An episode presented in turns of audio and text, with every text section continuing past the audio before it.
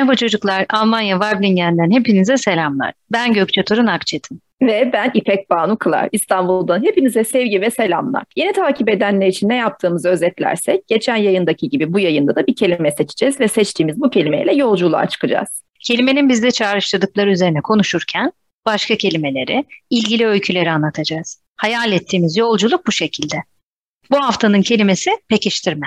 Pekiştirme deyince benim ilk aklıma gelen şey pekmez. Neden bilmiyorum ama bende böyle bir şey çağrıştırıyor. O çok ilginç. Şaşırdım doğrusu. Bilmeyenler için hemen söyleyelim.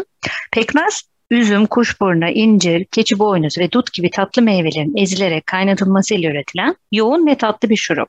Pekmez kelimesi çok eski bir kelime.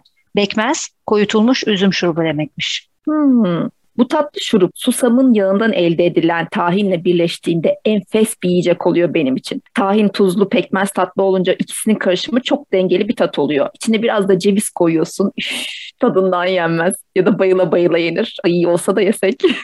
Olsa da yesek. Ben de bayılıyorum gerçekten.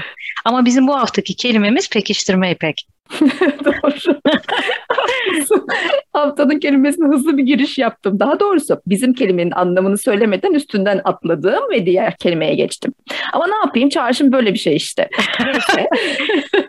Neyse. O zaman ben hemen ve ilk olarak pekiştirme ne demek onu söyleyeyim. Pekiştirme bir cümlenin ya da sözcüğün anlamını kuvvetlendirmek için ilaveler yapılması, ek getirilmesi veya sözcüğün tekrarlanması. Örneğin kop koyu elbise, tertemiz ev, mosmor surat, simsiyah ayakkabı gibi ya da pırıl pırıl cam, kara kara bulutlar, uzun uzun kavaklar. Bazen pekiştirecek sözcüğün başına ve sonuna getirilen eklemeler tek başına hiçbir anlama gelmez. Örneğin sımsıkı pekiştirmesindeki sım ekinin hiçbir anlamı yok. Ama o şeyin sadece sıkı değil, çok sıkı olduğunu bize anlatıyor.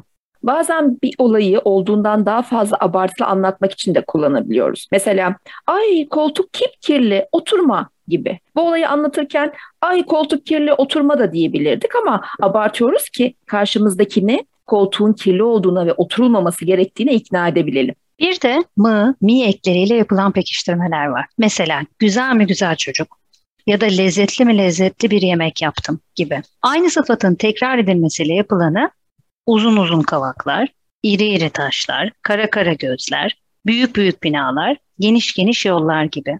Birbirine anlam bakımından yakın olan ve uygun kelimelerle yapılanlara örnek verirsek, açık saçık söz, kırık dökük eşya, anlı şanlı paşa, eğri büğrü yazı, yalan yanlış bilgiler, kırık dökük eşya.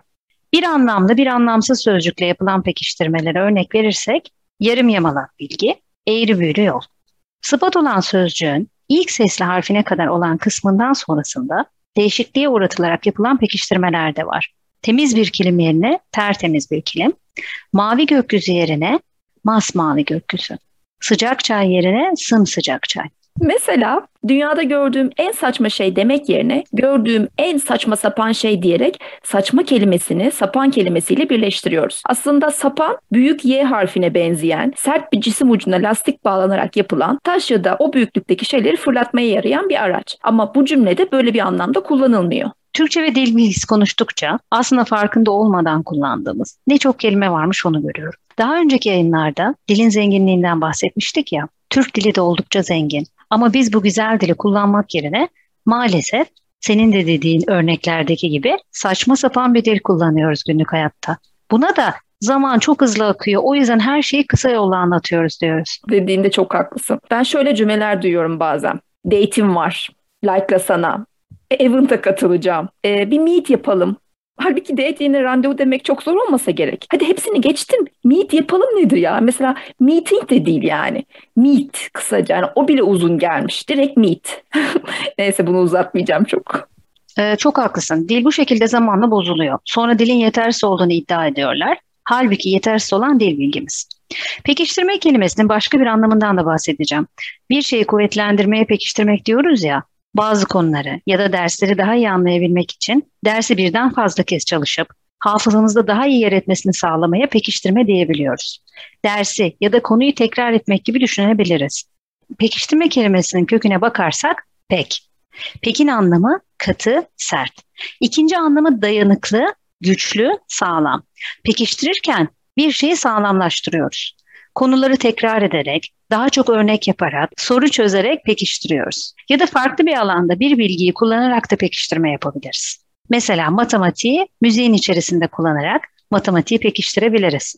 Davranışların kalıcı olmasını sağlayan kuvvetlendirmeye de pekiştirme deniyor. Olumlu ve olumsuz olarak ikiye ayrılan pekiştirme yöntemlerinde istenen davranış gerçekleştikten sonra ödül verildiği takdirde olumlu pekiştirme, hoşa gitmeyen bir uyarıcının ortamdan çekilmesiyle istenen davranışın gerçekleşme olasılığının arttırılmasıyla olumsuz pekiştirme yöntemi uygulanmış oluyor. Pekiştirme yöntemleri davranışın arttırılmasıyla ilgiliyken tam tersi istenmeyen davranışların azaltılması için uygulanan yönteme de ceza denmektedir. Mesela köpeğimizi her yemekten sonra dışarı çıkartıyoruz. Dışarıda tuvaletini yaptığında ödüllendirerek doğru davranışını pekiştirmesini sağlıyoruz aslında. Davranışsal pekiştirme biraz koşullandırmayla da iç içe geçmiş gibi anlattığın kadarıyla. Şimdi pekiştirme kelimesinin geçtiği kitaplardan alıntılara geçmek istiyorum. Yapalım mı? Hadi yapalım. Başlıyorum o zaman. İnsanların kişiliğini översek güven yerine gurur ve kibir oluşur. Fakat davranışlarını övmek pekiştireç işlevi görür ve olumlu tarafları daha çok zenginleşir. Duyguların psikolojisi ve duygusal zeka Nevzat Tarhan. Yaşasın döviz uçtu. Zep zengin olduk. Ya siz? Biz de fas fakir olduk. Yok hayır. Fam fakir. Hayır hayır. Far fakir. O da değil. Fap fakir. Arzu Özdemir. İzdiham dergisi sayı 37. Çocuğunuz kalemleri ve boyaları alıp alıp duvarları masaları boyuyorsa kağıt, pastel boya veya kolay silinen yazma tahtalarını pekiştireç olarak düşünün. Çocuğunuz parmaklarını gözlerinin önünde şıklatıp oynatıyorsa büyük olasılıkla ek görsel uyaran arıyordur. Bu durumda çocuğunuz ışıklı dönen bir topacı pekiştiren olarak görebilir. Başları dönüp düşene kadar kendi etrafında dönen çocuklar oturt, döndür tür oyuncaklara tepki verme eğilimindedir. Sözel davranış yaklaşımı Marie Lynch Barbera. Edimsel şartlama kısaca şu. Bir insan veya hayvan belirli bir uyarıcı karşısında bir davranış sergilediğinde eğer bir pekiştireç elde ederse, örneğin bir yiyecek veya aferin alırsa, gelecekte aynı davranışı sergileme ihtimali artar. Köpeğiniz adını söylediğinizde yanınıza gelse, siz de ona yiyecek verseniz veya yalnızca sevseniz, ileride adını söylediğinizde yanınıza gelme ihtimali yüksektir. Ya da diyelim ki bir çocuk eline bir kitap aldı ve resimlere bakmaya başladı. Siz ona aferin derseniz, gelecekte çocuğun aynı davranışı tekrarlama ihtimali artar. Küçük şeyler, üstün dökmen. Bu haftalık yayınımızın sonuna geldik. Bir sonraki kelimemiz ne İpek? Bir sonraki kelimemiz var. Tek hece var. Güzelmiş. O zaman bir sonraki yayında görüşmek üzere. Ben Gökçe. Ben İpek. Hoşçakalın. Hoşçakalın.